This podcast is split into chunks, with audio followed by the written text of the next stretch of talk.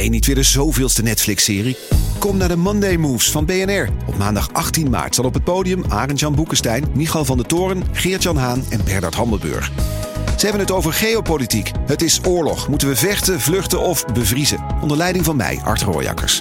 18 maart dus in het De La Mar Theater in Amsterdam. Check bnr.nl slash mondaymoves. Leuk dat je luistert naar Gonzo. Misschien goed om te weten, vanaf aflevering 42 zijn we te beluisteren op Podimo. Kortie Media.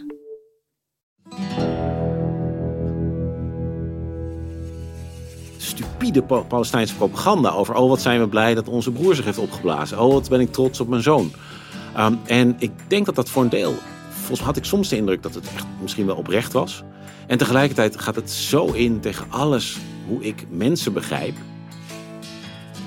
Dit is Gonzo, de podcast waarin we praten met journalisten over dat ene verhaal in hun carrière dat ze altijd is bijgebleven. Dat kan zijn omdat het een scoop was, omdat het opzienbarend was, riskant, gelauwerd, hilarisch, ontroerend of onthullend, of het was en is gewoon een goed verhaal. Mijn naam is Merel Westrik, tegenover me zit Frans Lomans. Frans, één Ja. journalist, één verhaal. We bouwen gestaag verder aan onze eigen journalistieke hall of fame. Ja, en deze keer hebben we weer iemand te gast die daar ook wel heel erg in thuis hoort. Ben ik met je eens. Ja, toch? We gaan meteen naar onze gast in de WPG-studio dit keer, Joris Luindijk. Goedemiddag. Welkom Joris. We beginnen eh, altijd eh, in deze podcast met een kort cv. Althans, eh, we hebben het kort cv genoemd. Maar ik zeg er nu alvast bij, Frans, misschien moet jij daar ook een keer over na gaan denken. We moeten hier eigenlijk iets anders op verzinnen. Want iedereen heeft altijd zoveel gedaan. Ja, nee, dit het begint een beetje op een roman te lijken. Het, eh, het voorlezen van een eh, cv. Zo zo lang, lang. ondertussen. Ja. En bovendien Nou. is het ook nog telkens weer een soort jaloersmakende, afgunstig eh, makende opsomming van successen. Ik, ik verschrompel helemaal als jij weer zo'n cv voorleest. Dat ik denk van, godverdorie. Ja, nou, het is wel goed voor ons nietigheidsbesef, Frans, denk ik altijd. Ja, maar dat zit al een beetje op een nulpunt, Merel. Kom op. Oké, nou ja, goed, daar gaan we. Hey, laten we nu de hoogtepunten er gewoon Echt alle, alle missers van eh, onze gast eh, Joris Sluijendijk. Misschien bij de volgende keer. We Oh, gaan nu gewoon eh, voor de hoogtepunten. Joris, jouw korte cv hierbij. Ehm, journalist, schrijver, antropoloog ben je. Je eerste boek was Een goede man slaat soms een vrouw. Een verslag van je tijd als student in Cairo tussen Egyptische leeftijdsgenoten. Dat boek was de reden dat je voor de Volkskrant en Radio 1 verslag mocht doen vanuit de Arabische wereld. Je bleef tot 2003 in het Midden-Oosten, de laatste drie jaar voor NRC en de NOS. En over die ervaring schreef je Het zijn net mensen. Bekroond met onder andere de NS Publieksprijs en de Dick Scherpenzeelprijs. Een van de best verkochte boeken van het jaar 2006 ook. Zelfde jaar werd je journalist van het jaar. Je presenteerde met het oog op morgen zomergasten. 2011 verhuisde je naar Londen. Daar dook je voor The Guardian onder meer in het eh, financiële hart van Londen. Dat leidde tot het boek Dit kan niet waar zijn, onder bankiers. Je nieuwste boek, De Zeven Vinkjes, over de machtspositie van witte, hoogopgeleide mannen, kwam vorig jaar uit. Eh, dat onderwerp heeft je nog niet losgelaten. Eh, je toert ermee eh, momenteel ook nog langs theaters. Je geeft lezingen. Brengen die theatershows en lezingen je nog nieuwe inzichten? Ja, vooral die lezingen, want dat zijn dus bij bedrijven, organisaties, over, overheden en zo. Kijk, zo'n theater zitten mensen heel ver weg Ja. en ze zijn niks van elkaar. Maar bij die bedrijven zijn ze, en overheidsdingen zijn ze elkaars collega. En dan hoe ze dan op mij reageren, eh, is heel erg hoe ze ook met elkaar omgaan. En wat dus heel opvalt, is dan, ik vertel dus zo'n verhaal over dat, het, dat je, als je dus eigenlijk je hele leven niet, niet met uitsluiting te maken hebt gehad, dat je eigenlijk heel veel levenservaring mist niet zozeer gaat om schuldgevoel over privilege. Het gaat, je hebt gewoon iets niet meegemaakt dat 80% van de bevolking wel heeft meegemaakt. Waardoor je je misschien ook niet zo goed kan inleven in Nee, hoe dat, dat, valt is. natuurlijk wel heel erg op bij die zeven vinkje mannen zoals Wopke Hoekstra en Rutte en zo. Dat je denkt, waar is jullie zelfreflectie? Maar zelfreflectie op, komt op gang als je denkt, fuck, ik val niet samen met het behang. Iedereen zegt, wees jezelf, doe je best, het komt goed. Maar als ik mezelf ben, met, oh, ik praat plat of ik heb een hoofddoek, dan komt het helemaal niet goed. Ik moet me gaan aanpassen. En dan komt ook zelfreflectie op gang. Maar bij mijn soort mannen komt dat nooit op gang, want we zijn overal de dominante groep. We zijn hetero, man, wit, ouders hebben Nederlandse cultuur, ouders hebben geld of opleiding, we hebben zelf de hoogste opleiding. Waar gaan wij dat ooit voelen? Ja, dus daar waar je komt, pas je in het behang. Ja, en dus wat zo mooi is, is dan eh hou ik dat verhaal. Dan, dan, het tweede deel is dan vragen. En dan nemen meteen de man het over. Dus die gaan precies doen met die sessie wat ze doen op hun werk. Eh, en eh, ze denken echt, de wereld moet echt weer iets van mij horen. En die gaan intellectualiseren. Dus die gaan zeggen van, wat is het achtste vinkje? Hoe is het in Engeland? Zijn elites niet van alle tijden? Ken je bedrijf waar het al heel goed gaat? En dan na een stuk of vijf keer, dan zei ik, ho mensen, nu is het wel genoeg. Ehm, dit gebeurt iedere keer. Als er nu nog een man wat wil vragen, dan moet hij beginnen met, nou ik heb naar je geluisterd. En als ik dat laat binnenkomen, dan voel ik. En dan stelt geen man meer een vraag. Want dat zijn, hebben wij nooit geleerd. En als we het deden, is het altijd bij ons afgestraft. Want mannen moeten alles kunnen en niks voelen. En eh, dat is echt heel interessant. En dan nemen de vrouwen het over. En die komen helemaal niet met dat soort intellectualiserende vragen. Die zeggen van ja, ik heb hier ontzettend te maken met een soort zichtbaarheidscultus. Dat je moet hier zichtbaar zijn om omhoog te komen. Maar waarom is zichtbaarheid eigenlijk zo belangrijk? Wat, Ja, waar- waar- waarom is dat? Nou ja, het is, het is een soort neiging geweest van mannen zoals ik om te denken, ja, als mensen talent hebben en ambitie, dan zullen ze dus bij een bijeenkomst van Joris Luijendijk een vraag stellen. Dan zullen ze in de vergadering altijd twee minuten minimaal aan het woord zijn. En dan zijn ze zichtbaar, dan heb ik ze opgemerkt, dan kunnen ze dus kennelijk voor een groep spreken. En dat zien wij aan voor leiderschapskwaliteit. Ja. Maar een leiderschapskwaliteit is natuurlijk heel erg bijvoorbeeld goed kunnen luisteren. Ja, dat gaat heel moeilijk samen met zichtbaar zijn. Want terwijl je zichtbaar aan het zijn bent, luister je ontzettend moeilijk naar de mensen om je heen. Ja. Nou, daar, kijk, ik denk dus, dus mannen zoals ik moeten plaatsmaken, maar niet helemaal. Weet je, er zijn wel mannen, witte mannen, zijn met 43% van de bevolking. Maar die, die blijven zitten, die moeten gaan veranderen. Zodat andere mensen ook kunnen bloeien. Maar kan je nog eh, eh, leren te voelen, en over je gevoelens te praten, of je, kan je nog leren om je in te leven in een ander? Als je wat ouder bent of van een zekere leeftijd? Nee, Kun je, kun je ook aan mij vragen hoor. Dan zeg ik, verdomd moeilijk. Frans? nee, het, is- het helpt als je kunt putten uit een eigen ervaring van kwetsbaarheid. En die heeft iedereen wel. Nou ja, als je lang genoeg doorzoekt en het gevaar is dat dan op een gegeven moment zo'n zevenvinkje man zegt: Oh ja, ja, nee, inderdaad, ja, ik hou heel erg van salsa dansen en mijn vrienden niet. En die zeiken mij dan altijd af. Dus ik weet ook wat het is om uitgesloten te worden. Dat je zegt: Nou, weet je, dat is toch niet, helemaal Nee. hetzelfde, Diederik. Ehm, maar het, wat je bijvoorbeeld vaak hoort van mannen die het, die het doorhebben of die proberen te snappen, die hebben bijvoorbeeld een vrouw van kleur. Of die hebben een dochter die autistisch is. Of die hebben op een of andere manier in hun cirkel van liefde, waar mensen, dus de mensen zitten om ze het meest geven, hebben ze gewoon het gevoel eigenlijk ja, plaatsvervangend gekregen van oh jee. eh, die, dat onschuldige, zorgeloze, wordt goed, eh, gaat goed, wordt beter, toffe peer gevoel van wat ik altijd heb van, van mijn land. Zo is het gewoon voor velen niet. Nee. En die vallen dus uit die onschuld. En die willen dan dus ook echt onderdeel zijn van de oplossing. Maar dat is ook nog niet zo makkelijk. Want als man doe je het al heel snel fout. En dan word je ook nog wel eens goed geroost en vernederd. En als je dus, heb ik ook gemerkt met dat boek van mij. Ik, ik stap daarmee eigenlijk uit mijn eigen groep. Van de zeven vinkje mannen. Dus die denken, wat doe je nou? Terwijl de mensen voor wie ik opkom, die vertrouwen me niet. Die denken, waarom doe jij dat nou? Dus je, je, als je je uit buiten de groep plaatst, kies je ook echt voor een soort isolement. Of je, of je uit de maffia bent eh, gestapt. Ja, ik eh, weet, dus je hebt, je hebt de, mannen nou de maffia zijn. Ik weet niet, dat, dat, nee. dat, de maffia is volgens mij best een efficiënte organisatie. je hebt de Erik-code van het zwijgen natuurlijk een beetje doorbroken. ik, weet, ik, bedoel- denk dat, ik denk dat, kijk, zwijgen, of om te zwijgen moet je, het, moet je ervan weten. En ik denk dat die onschuld van ons is juist dat we er niks van af weten. En, maar dat we ook alles doen om dat zo te houden. Dus ik zat gisteravond nog met een zevenvinkje man in de auto die echt heel veel macht heeft. En die zegt, ja nee, ik ben echt een fan van je Joris. En zo, ik, nou, leuk om te horen. Alleen dat laatste boek, van, heb ik niet gelezen. dus ik zeg, oh, en zo, ja nee, ik, het, het boeit me gewoon niet. boeit me gewoon niet. Dat weet ik allemaal al. Ja. En dat is de essentie van privilege, dat je niks hoeft te leren. Dat je, omdat je, ik hoef niet te leren hoe het is om langs de douane te lopen of de marechaussee te lopen en denk, fuck, als ze me, er, als ze- als ze me daar uitpikken, dan moet ik zorgen dat mijn vakantiegevoel niet weg is. Dat heb ik nooit hoeven leren. Ik hoef, als ik overblijf met één mannelijke collega op mijn werk, hoef ik niet te denken, oh, als hij maar niks probeert. Want ik Ja. ben een man. Dus niks, dingen niet hoeven leren is privilege. En als dan dus die zeven vinkje mannen komen en zeggen, nee, dat laatste boek van jou, dat hoef ik niet te lezen, hoor, dat weet ik allemaal al. ja, ik was ook zo. Ik was ook zo. Hey, na het verhaal waar we het over gaan hebben, Merel. Ja, laten we dat doen. Eh, want Joris, toen we je vroegen om hier te komen praten over dat ene verhaal uit je carrière dat je altijd is bijgebleven, eh, wist je toen eh, meteen welk verhaal dat zou moeten zijn? Ja. Waarom? Ja, ik denk dat dat. Ik denk, ik denk dat dit, wat, wat het is zo'n 22 jaar geleden gebeurd, volgens mij. ehm, in Gaza. En ik denk, wat ik het allermoeilijkste vond als correspondent. Ik was toen correspondent Midden-Oosten voor de Arabische wereld.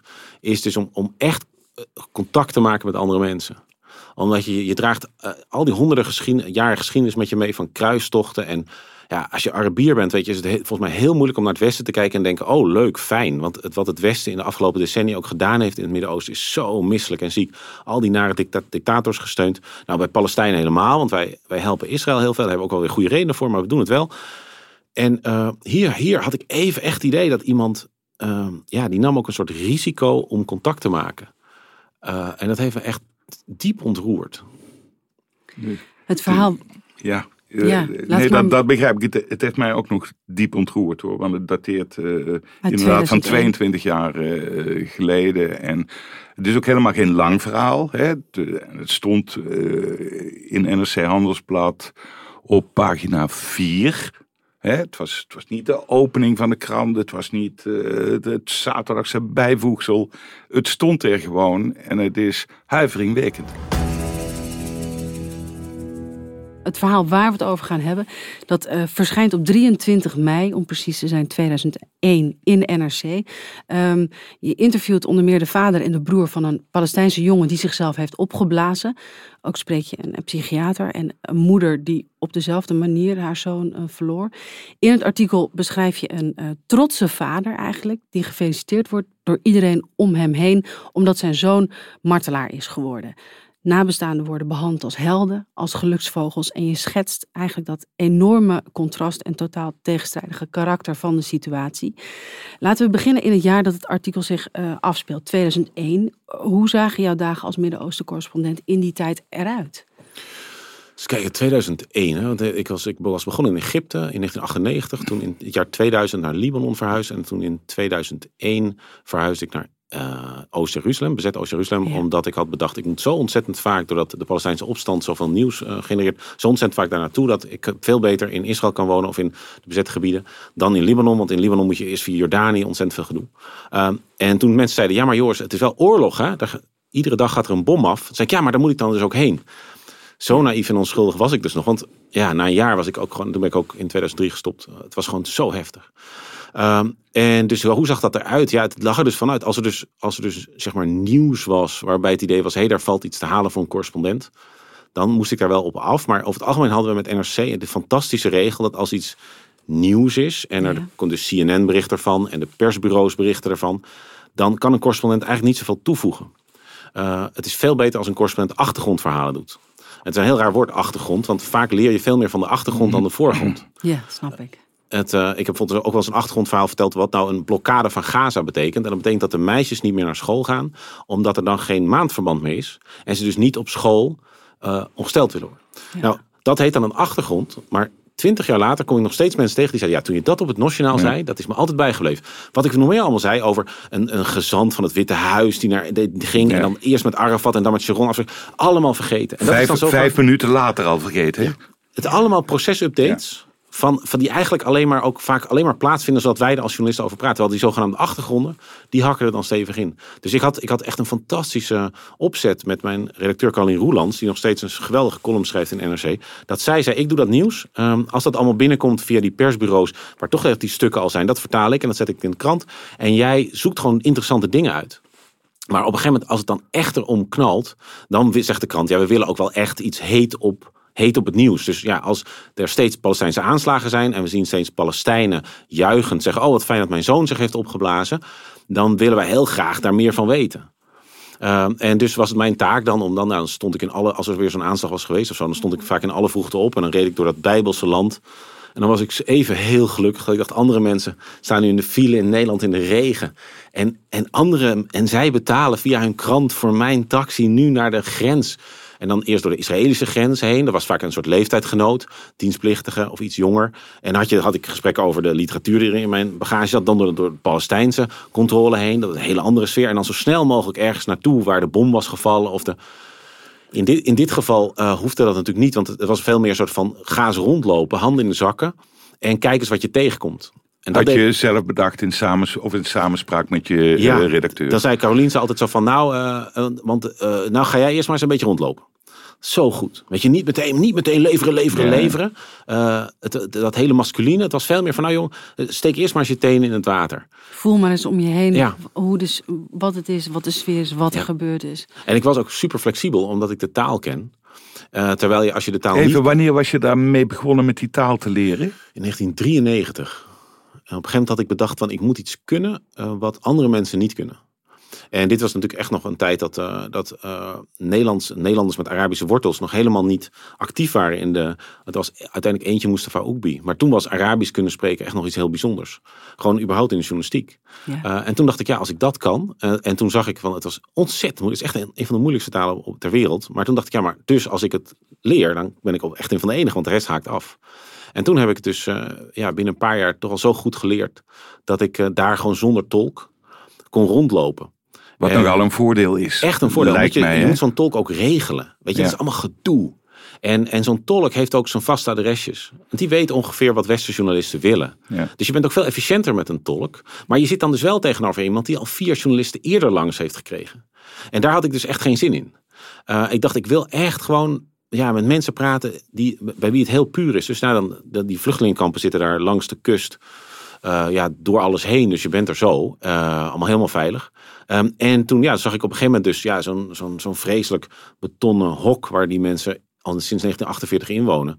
Sinds hun huis uit zijn gejaagd in wat nu Israël is. En uh, ja, daar allemaal van die plastic stoeltjes. En dan vage foto's van een jongen.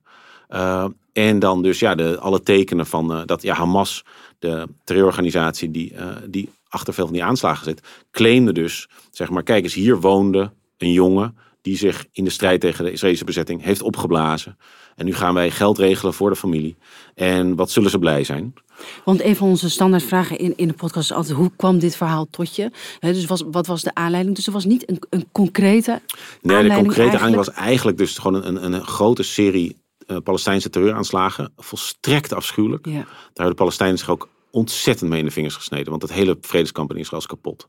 Uh, echt, nou gewoon, ja, dan zat je in een restaurant. Uh, toen hadden we allemaal Nokia's. En opeens hoor je piep, piep, piep, piep, piep, piep. Er ging overal tegelijk sms af. En dan wist je gewoon van, er is een aanslag geweest. En dan, dus ja, dan, wist je, dan zag je ook meteen wie de, Israël, de Joodse Israëliërs waren. Uh, want die gingen meteen als bezetenen bellen. Ja. Uh, en uh, de, wie de journalisten waren, want die moesten daar dan zo snel mogelijk naartoe en zo. Ja, en dan, weet je, dan zit je in het verkeer en bussen gingen vaak de lucht in. Dus dan kwam er een, een bus aan en dan zag je dus al die auto's wegschieten. Want die willen niet in de buurt van een bus wachten voor het rode licht. Uh, maar het is ook weer gevaarlijk. Ontzettende ruzies over dat sommige ouders willen een tweede bewaker bij de crash.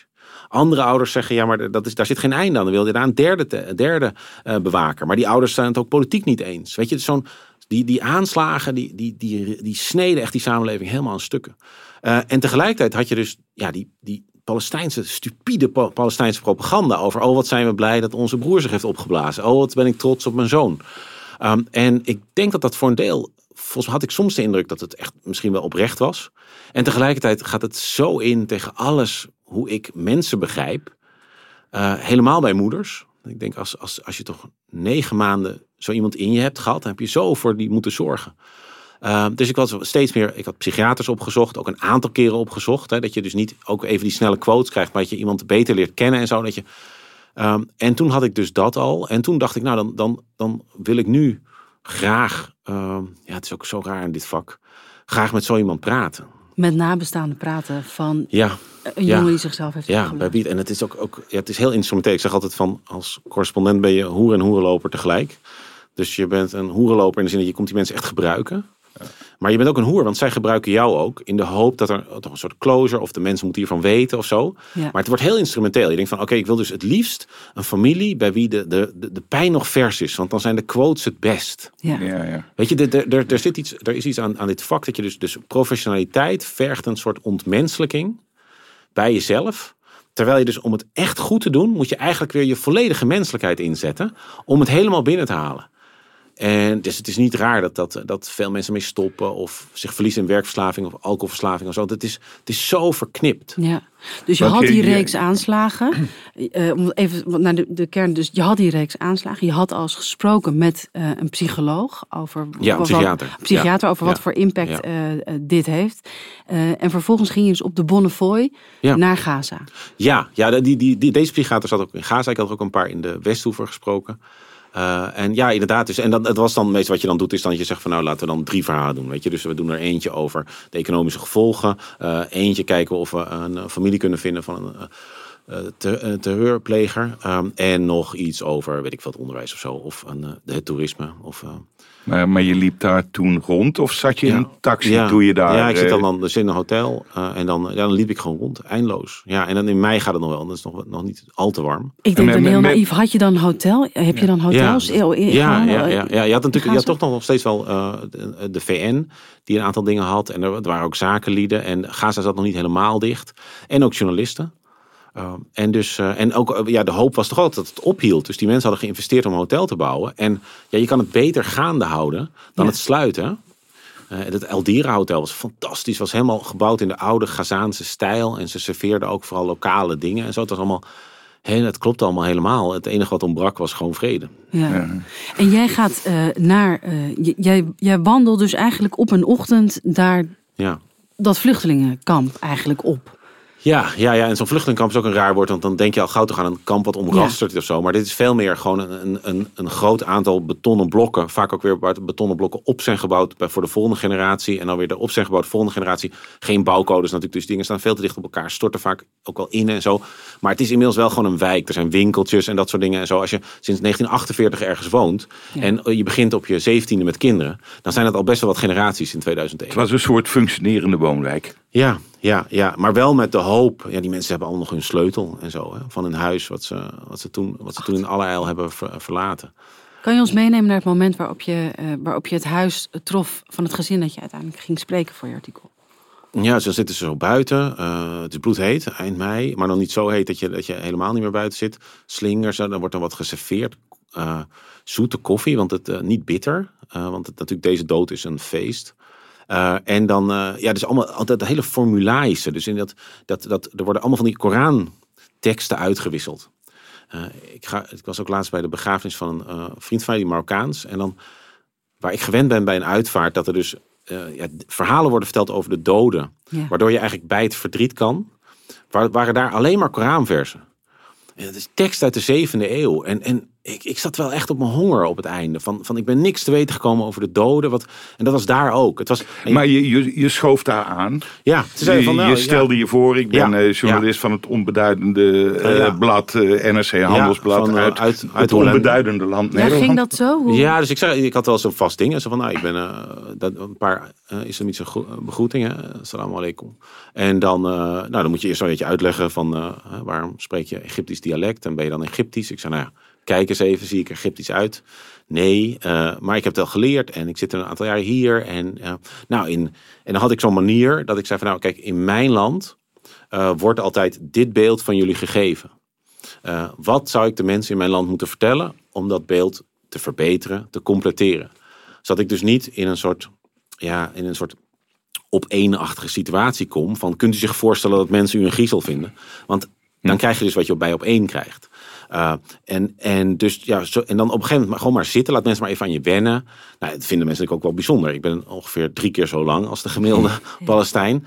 Uh, en dat hij dan uh, Arabisch spreekt. En, maar het is ook heel. Het is, het is dus bedrukt, maar ik voel aan alles van het, het, het, het mag niet bedrukt zijn.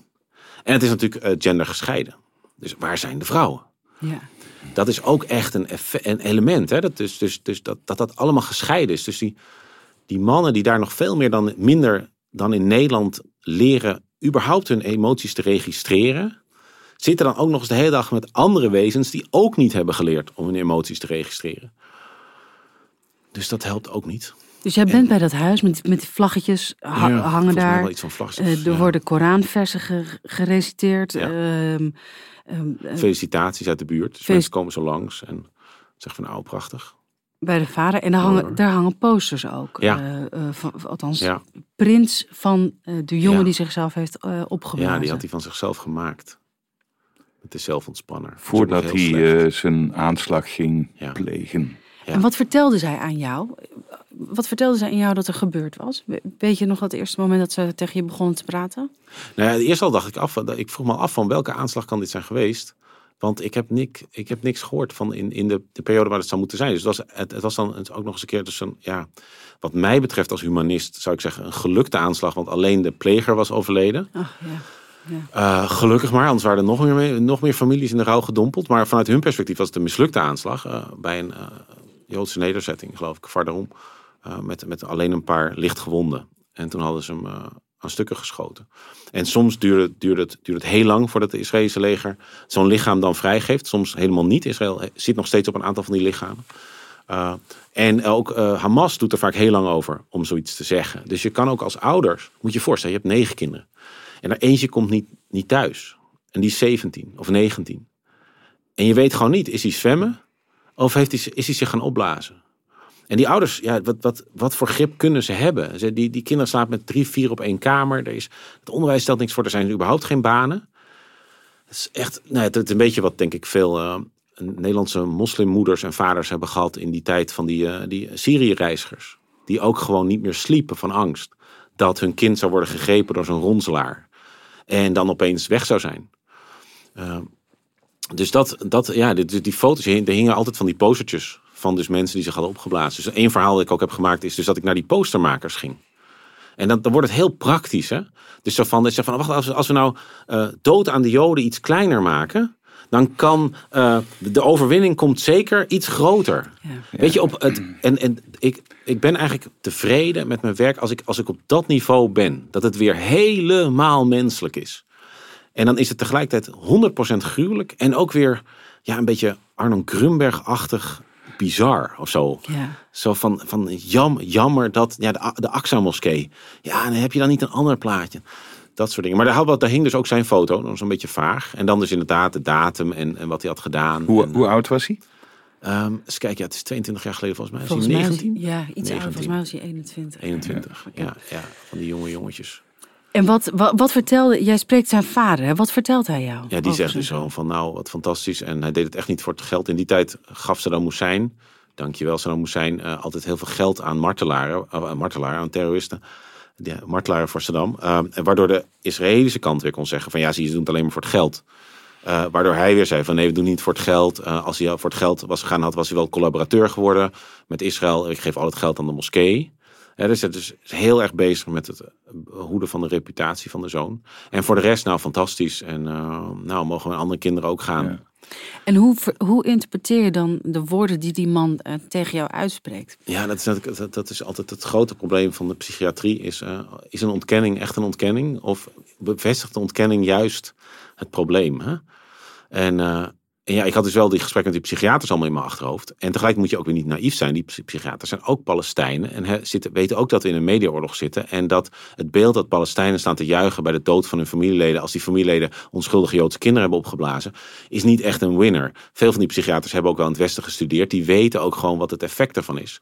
Maar die psychiater had jou ook verteld, en dat staat ook in het artikel, dat deze ouders eh, daar vroeger of later gewoon ontzettend druk. veel last van Ja, krijgen. En ja. een depressie van krijgen. En ja. dat ze in eerste instantie in een ontkenningsfase zitten, maar dat er een enorme genadeklap op een gegeven moment komt. Maar- Dus dat maar- had jij in je achterhoofd toen je die vader sprak. Ja, maar jij ja. sprak ze nog op een moment van ongelooflijke trots, hè? Ik bedoel, die, die vader vast- was nog de koning te rijk dat zijn zoon... Ja, hij, hij, eh, hij probeerde in ieder geval uit alle macht die indruk te wekken. En ik denk ook dat... Voel je het waarachtig? Ik bedoel, eh, Ja, ik was het echt? Het is cultureel gewoon heel moeilijk. Eh, omdat dus, dus die, de, de manier waarop een Noordwest-Europese man emoties uit, zeker van mijn sociale klasse, is zo anders.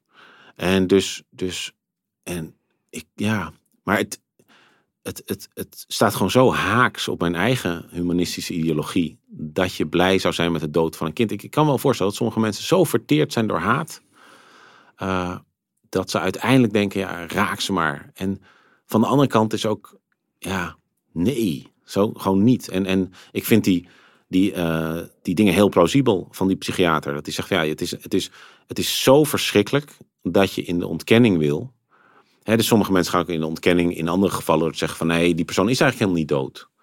En je ziet ook Dat dat, zegt de vader ook, hè? Hij is niet dood. Nee, hij leeft, hij leeft in de hemel. en, je hebt dus eh, ook mensen bijvoorbeeld dat dat is zelfs afschuwelijk als mensen dus bijvoorbeeld iemand verliezen en het lichaam wordt nooit gevonden. Dat ze dus ook nooit aan die rouw toekomen. Omdat ze altijd nog ja, die verschrikkelijke hoop die ze eigenlijk zouden moeten eh, mee afrekenen. Dus maar ik dacht van ja, ja, ja, ja, ik, ik, ik dacht ook van het. Wat, eh, dit wordt ook een, een, een, een, stuk voor de pagina 4, dacht ik. Want ja, we krijgen die psychiater die zegt: Kijk, deze man is in ontkenning. En die man handelt precies zoals de psychiater zegt. Maar ja, wie weet heeft de psychiater wel ongelijk. Eh, en dan is dus ook in de journalistiek is tijd gewoon echt heel belangrijk. Ik, had jullie, ik had jullie podcast afgeluisterd met Olaf Koens. Ja. Die dan twee weken gewoon mag verdwijnen. Ja, door Rusland mag Dat is- reizen om het Rusland echt te leren kennen. Dat is echt leiderschap van zo'n hoofdredacteur. Want als één iemand het mag, waarom mogen anderen het dan niet? En dan moet je als hoofdredacteur gewoon zeggen, omdat Olaf Koens heel erg goed is. Nou, dat vinden niemand leuk om te horen.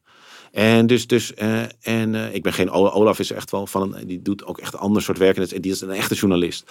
Eh, maar ja, ik, in dat opzicht had ik ook een soort van zo'n soort vrijheid. Dat Carolien zei van, nou, weet je, ga blijf maar zitten. Dus ik dacht, ik blijf wel zitten en wie weet wat er gebeurt. En dat is wel, in het zijn het mensen, heb ik een aantal van die momenten, dat ik gewoon door, door lang genoeg ergens te zijn, opeens het beeld dat je zo goed kent van CNN niet meer klopte. Eh, het- de opening is in een Soedanees hongerkamp waar uitgemergelde mensen komen. En die zitten precies zoals op de beelden voor Giro 555 met een vlieg op hun gezicht en zo. En op een gegeven moment trek ik het niet meer. Ik denk, ik kan niet gaan huilen, maar ik... eh, dus ik zei toen maar, hello everybody. En toen iedereen, hey! Die waren gewoon energie aan het sparen na een waanzinnige wa- wandeling van 1200 kilometer. Maar als die grote meneer zegt hallo, dan zeggen we ook wel even hallo terug. Hè? En dit was eigenlijk, nu volgt dus ook zo'n moment eh, daar in Gaza van, de, eh, van eh, de, de, de broer van de terrorist. Die op een gegeven moment zegt, kom even mee. En mijn vader mag er niet bij zijn. Die dus gewoon, denk ik, echt de behoefte had. Omdat althans er één getuige was van de waarheid. Het zal je gebeuren, hè? Dus je zit daar, je wordt, wordt geboren in een vluchtelingenkamp. Eh, met totaal getraumatiseerde grootouders, totaal getraumatiseerde ouders. Geen enkel uitzicht op een verbetering van je leven. Negen broers en zussen. Bloedheet.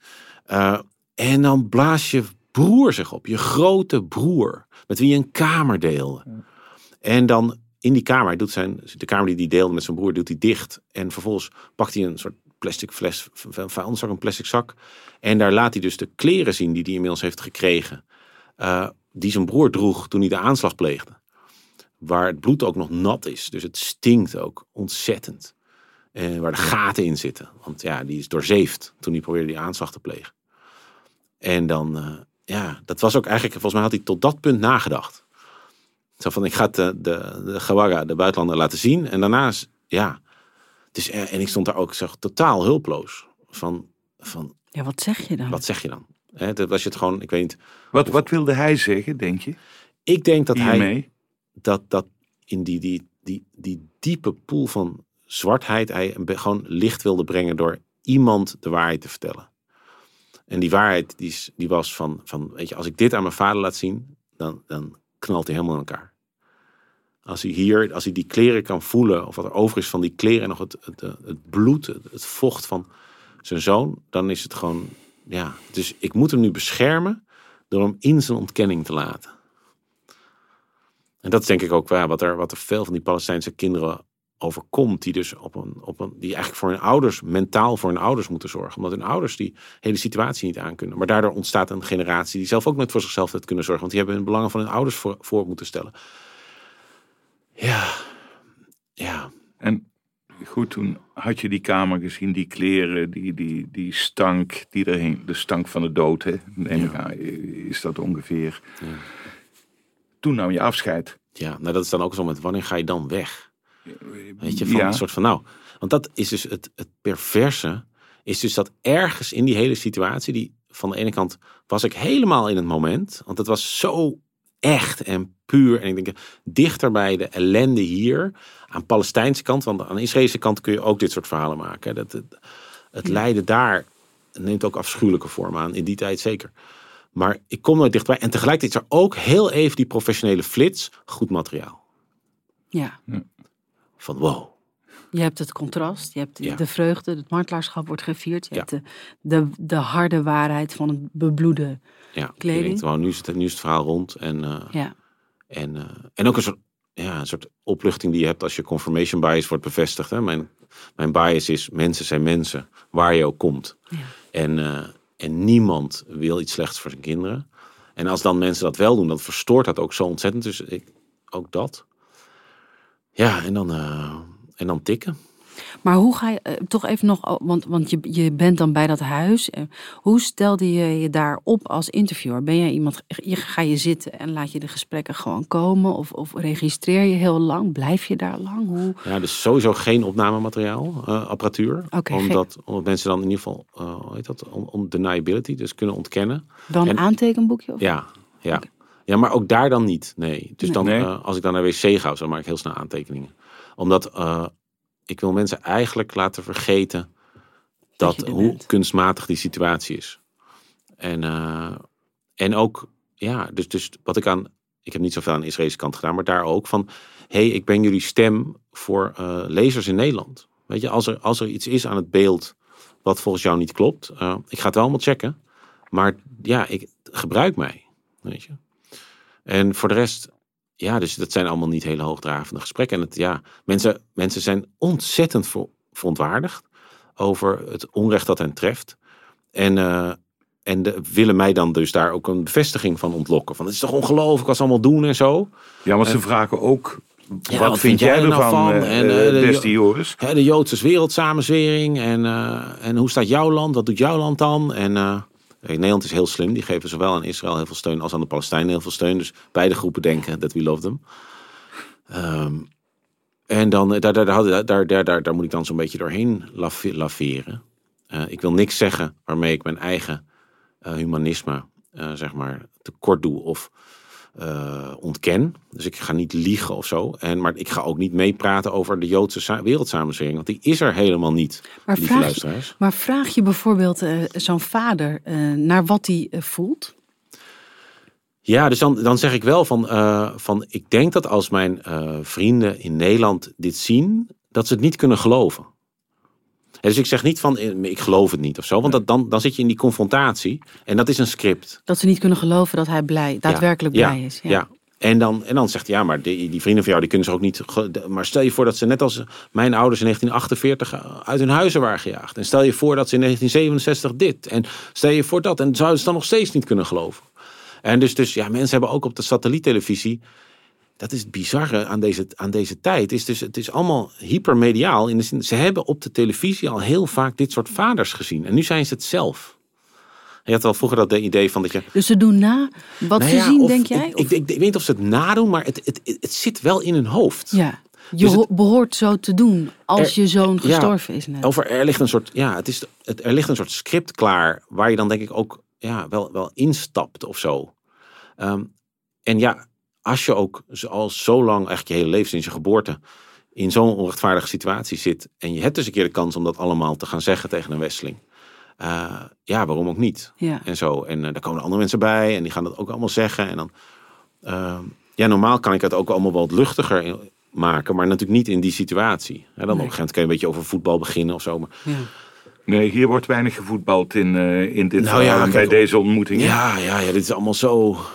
Ja, De broer zegt in het artikel nog, eh, Joris, eh, het was Arafat's eigen keuze. ja, ja. Hoe Ja. hoor jij dat aan? Ja, dat, dat, dat, ik denk dat hij daar echt gelijk in heeft. En dat je, dat ieder mens heeft, eh, het is toch makkelijk als zevenvinkje man om te zeggen wanneer ik zelf waarschijnlijk nooit in die situatie kom. Maar je, je, hebt, je hebt altijd een keuze om zoiets niet te doen. Het grootste deel van de mensen doet het niet. 99,9999% van de moslims in de wereld houdt zich totaal ver van alle vormen van terreur. Die kiezen daar allemaal voor om het niet te doen.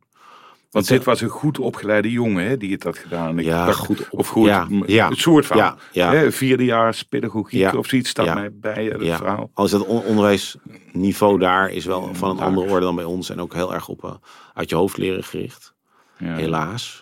Die, die, die organisatiestructuur van het Palestijnse gezin. Van de vader weet alles en voelt niks. En die bepaalt alles. En daarboven daar zit de leraar en de, de imam weet het allemaal. En de leider weet het allemaal. Dat wordt helemaal gekopieerd. Daar kun je niet in het onderwijs opeens heel kritisch gaan lopen doen. Dat, Maar is er misschien vanuit zo'n situatie die zo uitzichtloos is, dat je daar vastzit eh in, eh, in Gaza, dat je geen kant eigenlijk op kan, dat je misschien wel nooit een goede baan zou krijgen of iets zal vinden waar je of trouwen. of zal trouwen. eh, misschien, is dit misschien een van de weinige manieren om je vader trots te maken? Nou, dat, dat is wel mijn diepste angst. Ja, dat dus uiteindelijk die kinderen zich gaan opblazen in de hoop dat dan hun ouders trots zijn. Ik bedoel, dan zit je er wel echt in de, de, de ergste ring van de hel. Weet je, dat, eh, en ik vrees dat dat wel ook, ja, dat die sfeer, dat bepaalde karaktertypes. Je hebt daar natuurlijk ook blauwe, rode, groene en gele mensen. Uh, en dat bepaalde mensen heel bevattelijk zullen zijn voor dat idee. En dat je dus, dus, dus er ligt voor jou geen enkele mogelijkheid voor een helderrol, behalve deze.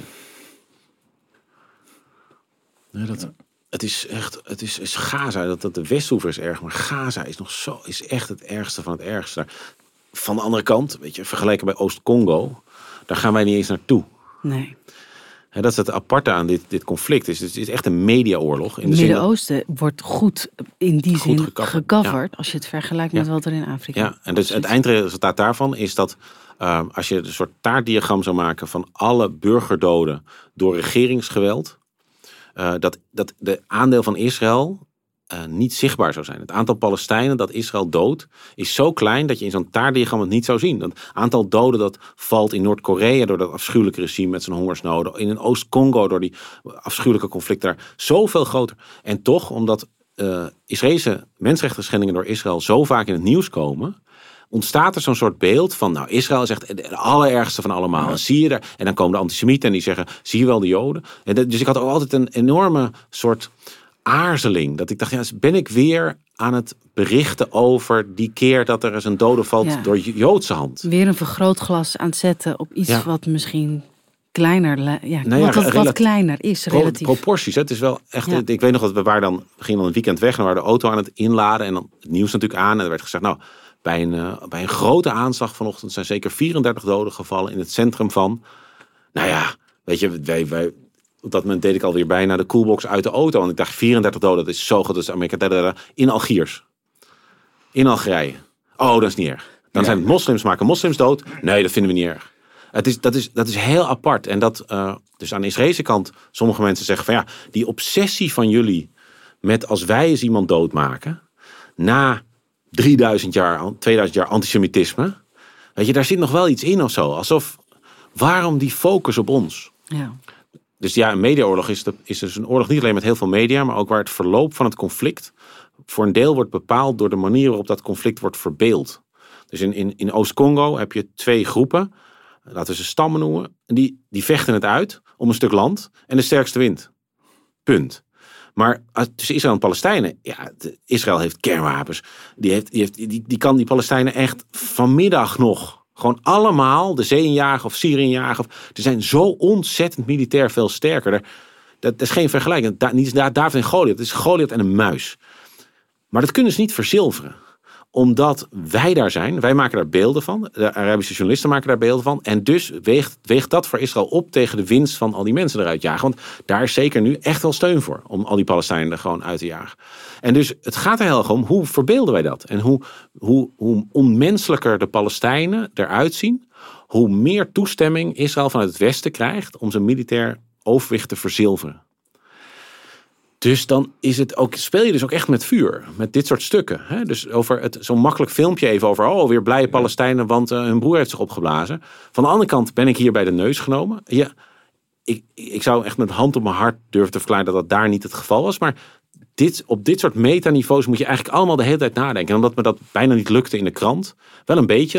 En NRC had daar nog echt wel veel belangstelling voor. Maar op tv was het onmogelijk. Heb ik dus uiteindelijk Het zijn het mensen geschreven. Want ik dacht, ik heb een boekvorm nodig.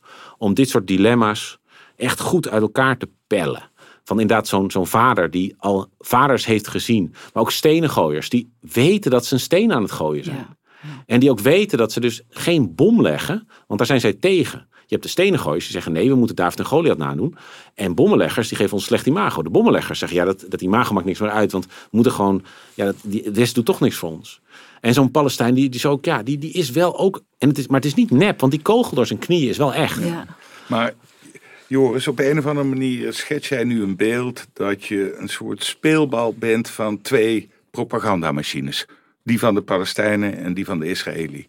Ja, en ja, ja, best, best een soort. Ja. Uh, ja, ja, maar dat is ook. Ik, raar beeld. Ja, wat nou, je schetst. wat, ik, wat ik dus zo apart vond, is dat, in, in, dat, je, dat je je nauwelijks kunt onttrekken aan die machines. En dat die machines, die, die, zijn, die hebben op zoveel manieren invloed op je werk. De, de eerste is al dat je gewoon niet naartoe mag. Het is een van de redenen dat wij gewoon, uh, dat ik dus ja, met mijn artikelen bijdroeg aan uh, anti-Israëlische stemming, was dat ik heel veel artikelen maakte over wat Israël allemaal deed in Gaza. Maar Irak, waar dus ieder jaar honderdduizend kinderen omkwamen door de sancties, daar kwam ik gewoon in. Daar stierf dus in een maand stierven meer mensen dan in een jaar tussen Israëli's en de Palestijnen. Dus dat is al een manipulatie, dat je mensen gewoon niet toelaat. Uh, dan heb je gewoon dat de, de ene hebben gewoon veel meer geld dan de andere. Uh, de ene zijn westers en de andere niet. Ja, die westers, die, bijvoorbeeld Israëli's, die, die rouwen zoals wij. Uh, wij zeg ik even, dus autochtone westen. Dus, dus bijvoorbeeld, als ze dus bijvoorbeeld heel bang worden van aanslagen, dan gaan ze aan de lijn doen, omdat ze dat kunnen controleren. Nou, ik denk heel veel mensen die dit, dit beluisteren, denken, oh ja, dat kan ik me voorstellen. Dat is iets heel anders dan met geweren schietend door de straten lopen, als je bang bent.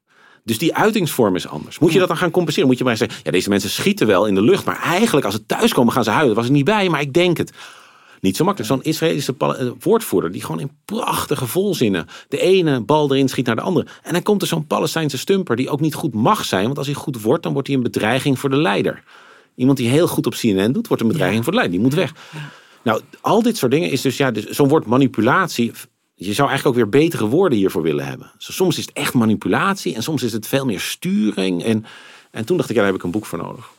En dat heb je geschreven. Nog, nog even, nog even eh, terug naar, uh, uh, naar het verhaal. Je loopt dan, je, je, neemt op een gegeven moment afscheid van die familie. Ik kan me dan zo voorstellen, je loopt terug naar je hotel. En dan zak je op een gegeven moment eh, neer in je stoel. Uh, hoe, hoe rond je zo'n dag af? Ik bedoel, je bent er niet voor niets misschien wel twee jaar later mee gestopt of weggegaan uit het Midden-Oosten. Ja, want het, wat ik het moeilijke daaraan vind, en dat is eigenlijk dat is, dat is zeg maar, het zijn licht, hele lichte vorm van trauma, is dus dat je de, je kan de emotie die je hebt op het moment dat je hem hebt niet verwerken. Ik kan daar bij die jongen in dat vluchtelingkamp niet daar huilen. Terwijl eigenlijk, het is zo ontzettend verdrietig. Het is zo onmachtig. En fucking hell, man. Maar hij is zijn, ik kan wel voorstellen, hij is zijn broer verloren. Je, je kan wel een schouder om zijn arm je kan Ja, ja maar dat is toch niet het, Ja, ja, ja. Zo en dat ben jij zou niet, geloof ik. Nee, zo ben ik ook niet. En ik zou ook, ik vind dat ook professioneel moeilijk. Ik denk je echt wel een soort afscheid. Ik, ik ook, als ik, als ik eens een keer, lukt het bijna nooit, maar een belangrijk iemand interviewde, maakte ik ook nooit zo'n zo'n powerwall foto. Dat Joris met Has, Hassan Nasrallah. Ik vind het allemaal, hey, we hebben wel echt verschillende rollen. Uh, maar je hebt het ook bij een bombardement of zo. Je kan op, dat bombard, op het moment van het bombardement kan je, niet kan je niet de emoties toelaten die je voelt. Namelijk echt het besef, het kan nu ieder moment voorbij zijn. Maar je bent wel bang. Je bent wel bang, maar je komt niet bij het gevoel. En dan, dan laat ze je in je hotelkamer. En dan is het dat gevoel ontzettend moeilijk op te roepen. En ik had er nog het geluk dat je toen nog geen sociale media had. Waardoor ik dus op een gegeven moment, ja, ik kon nog een beetje nieuws kijken. En voor de rest waren er geen prikkels. Maar ik kan me nu voorstellen helemaal dat je dus helemaal in die prikkelmachine blijft. En dat, dat hoopt zich wel op. Hè? Dus, dus die, je moet daar wel bij. Dus daarom denk ik dat, dat veel collega's uh, veel drinken. Dat viel ook bij Olaf op, hoe makkelijk die daarover praten. Dat is echt, alcohol is een gevaarlijke drug. Uh, en, uh, Drink jij niet?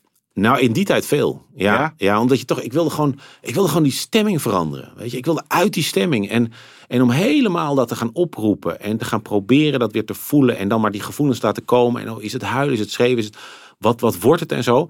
Terwijl morgenochtend om zeven uur staat Radio 1 weer klaar. He, dat, en dan ja, een, een stevig glas uh, whisky. Dan, heb je het, dan is het ook alsof het even weg is. Dan slik je het weg en dan ga je ja, verder. En, ja. en dat is heel de sfeer onder correspondenten. Van dat, oh, wat zijn we stoer en oh, wat drinken we veel. Maar ja, waarom drinken we veel? Omdat we gewoon niet meer bij onze gevoelens komen. Nee. Je hebt over dit interview gezegd, uh, hiervoor ging ik de journalistiek in ooit. Ja. Kan je dat uitleggen? Ja, ik vond ik dus zo, zo eng vind aan journalistiek... is dat als we berichten over een wereld die we niet kennen en we brengen daar het nieuws, dat mensen hier gaan denken dat dat nieuws die wereld is. Als je dus het altijd hebt over de uitzondering en nooit over de regel, gaan mensen de uitzondering aanzien voor de regel. Mensen die in Limburg in een dorpje wonen en nog nooit in Amsterdam zijn geweest, die denken misschien dat hier heel gevaarlijk is, want alle criminelen worden doodgeschoten op straat.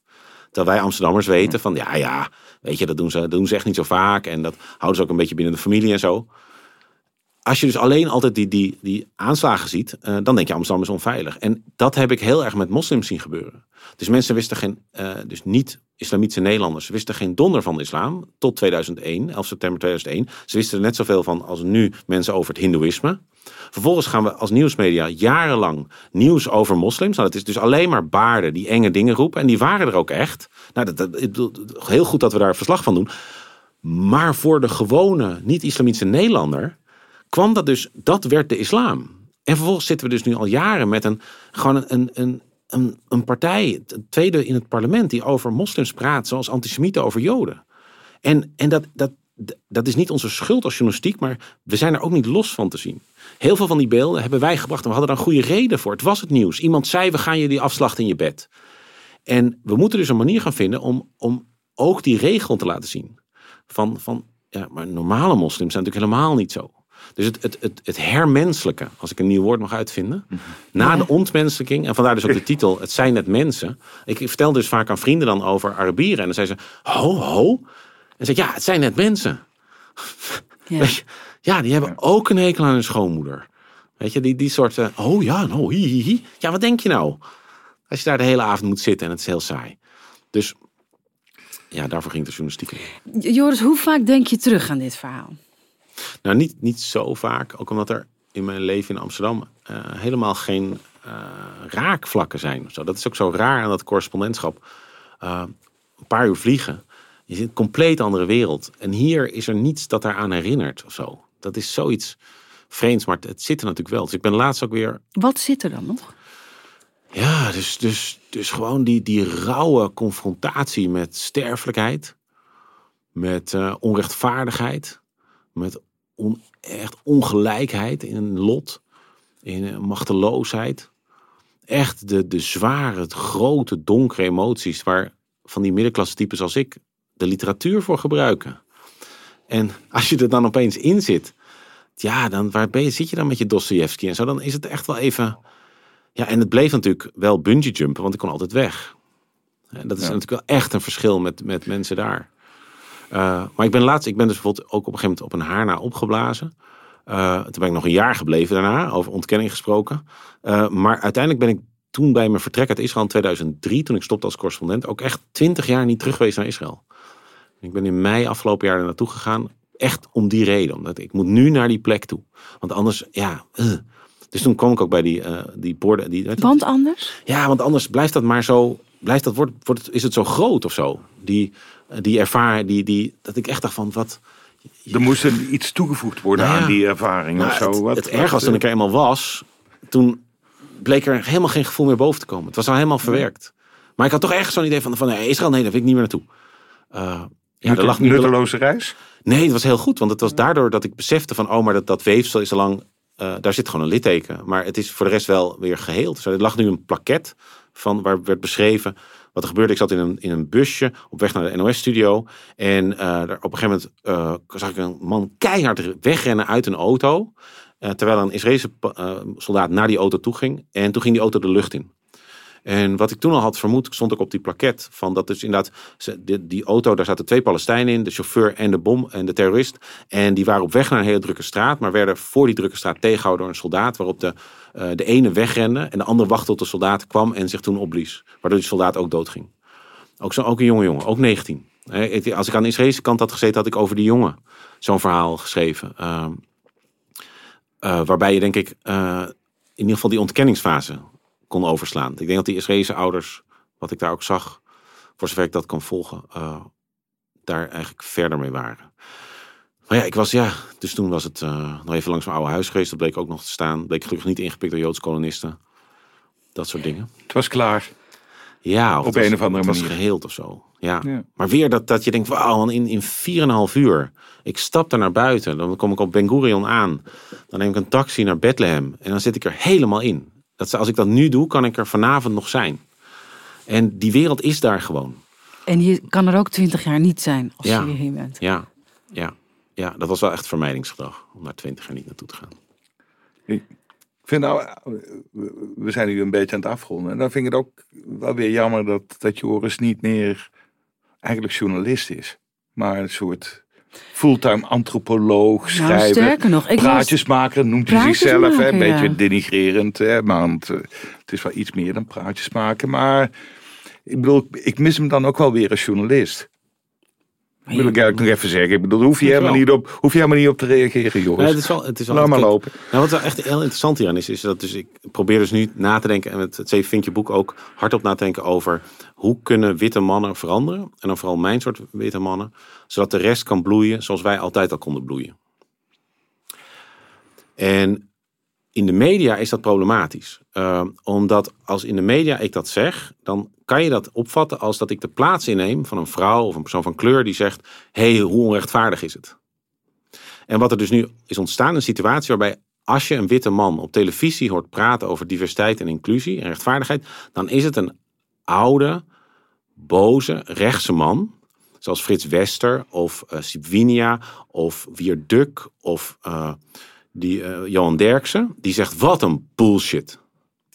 En dus 7 miljoen witte mannen hebben op televisie alleen als rolmodel, dat, zo gedraag je dus. En we zien dus eigenlijk nooit al die witte mannen in Nederland die in ieder geval een stappen hebben gezet en die zeggen ja, ik wil heel graag een samenleving waar iedereen kan bloeien. En dus ik snap waarom wij dat niet aan televisie mogen zeggen en ik dus ook nergens ooit mag meepraten over mijn eigen boek. Uh, omdat ik dan ja, de plaats inneem van een vrouw die ook had kunnen zeggen hoe onrechtvaardig het is. Maar het effect is dus dat we dit gesprek niet voeren. En dat die mannen die dus al wel stappen aan het zetten zijn en die ook al allerlei tips hebben over hoe je andere mannen op die weg kan helpen naar een realistischer beeld van de samenleving. Dat dat eigenlijk helemaal buiten de media om moet gebeuren. En daar gebeurt ook heel veel. Maar de media is wel de plek waar je dat natuurlijk doet. Dus op zich, ik ben echt in dat opzicht nog steeds journalist. Ik ben echt nog aan het kijken van dat soort, maar ik, ik zit op een soort strafbankje. Je, Ja. ik, ik mag nergens meedoen Nee, over dit, dit eh, onderwerp. De, En, de, de, de stront is over je heen gegooid. eh, nou, het is en, echt, eh, ja, het is echt heel apart. Het is ook, dus, dus eh, geen enkel debatcentrum die ooit er iets mee heeft gedaan. En eh, het is op geen enkele longlist ook maar van een prijs eh, van, van een jury of zo. En dus ik mocht ook echt niks meer schrijven in de krant, in mijn eigen krant erover. Eh, Maar aan iedere zo. keukentafel ging het er wel over. Ja, maar het, ge- ja, iedere, ja, iedere man ja. vroeg zich toch even af hoeveel vinkjes raak ik. ja, ja En- maar daar en- bleef het dan bij. Ik denk dat er wel heel veel mensen, Ja. eh, eh, ook misschien wel door alle commotie eromheen eh, en ook de kritiek die je soms te verduren kreeg, er wel extra over na hebben gedacht. Het is, Ja, ik weet het- is heel invloedrijk geweest. Nou, het is, maar het is mijn slechtst verkochte boek. Ja, maar misschien hoeft, eh, soms hoeft misschien je best verkochte werk niet, eh, de me- dat je best verkochte werk heeft misschien wel niet eh, de meeste impact gehad. Misschien heeft je slechts verkochte werk wel de meeste impact Ja, maar ik ben gehad. zo bang dat mensen dus niet... Dat weet je nog niet. nee, dat, dat- ik ben Het is zo best bang een vers boek nog. dat. Wat ik merk, dat als mensen erover hebben, dat ze hele tijd zeggen van... Oh, je moet ik me schuldig voelen. Nee, En maar dat, dat vind is ik dus zo'n rare kern- reflex. Dat is, de, dat is niet de kern van het boek. En je mag bijna niks meer. Dat is, dat is ook zo'n ook zo'n dooddoener. Van, Ja, ja. Nee, dat, Joris gaf net eh, keurig een lijstje van namen van eh, mensen die dit beeld allemaal bevestigen. Ja, ik, Dus, vind, eh, ik vind dat als mensen zeggen van je mag niks meer zeggen, dan zeg ik van waarom wil je het nog zeggen als je beseft dat dat woord al die tijd heeft bijgedragen aan een onrechtvaardige samenleving? Waarom zou je bijvoorbeeld heks, weet je, als je gewoon echt gaat beseffen wat we met vrouwen hebben gedaan die zich niet aanpasten aan de norm, al die jaren, en dat we dus een, een man is geen heks als een tovenaar, is een toffe gast met een puntmuts en een stok die, die problemen oplost. Waarom zou je dan dat woord nog willen gebruiken? In plaats van, eh, en waarom zou je, ja, moet je nou jezelf slachtoffer maken, terwijl toch echte mensen voor wie dat woord wordt gebruikt? Dat begrijp ik niet. Inlevingsvermogen. Het is een, Je kan er Hebben ook te veel van hebben. Hebben we het dan ook best over En te weinig. zeven, vinkje, zeven vinkjes en zo gehad. En eh, hoop ik dat er nog een paar exemplaren van dat boek, van dat ongelooflijk slecht verkochte boek, er zijn er hartstikke veel van verkocht hoor. Alleen niet zo waanzinnig veel als van die andere boeken. ik had zo Dus, graag eh, veel mannen zoals ik bereikt. En, eh, eh, en dat is dus veel minder gelukt. Maar ik weet al wat jij daarover hebt geschreven, Joris. Als die man gisteren eh, tegen jou zei met wie in de auto staat. Ik, ik weet dat wel. Het is niet zo, maar Ja. En Hey, dat was vroeger ook zo. Ik dacht ook dat ik het allemaal wist. ja. ja. blijkt niet het geval. emancipatie is voor vrouwen, dacht ik. Joris, dank je voor je komst hier naartoe. Dit was Gonzo. Mijn naam is Merel Westrik. Tegenover me zit eh, Frans Lomans. Mocht je nou mm, vragen hebben, suggesties, mail dan vooral naar gonzo.kortimedia.nl. Laat eh, vooral ook een recensie achter. En dan niet over Joris in dit geval, maar over hoe wij het hebben gedaan. Nou, Merel. dan kan Want Frans- Joris die, die, die Dan kan- weet dat nu onderwijl wel, al dat gezeik. Maar laat er vooral een recensie achter. Dan kan Frans ze allemaal gaan lezen. Moet je niet doen. Eh, volgende week een ander verhaal. Otto, da.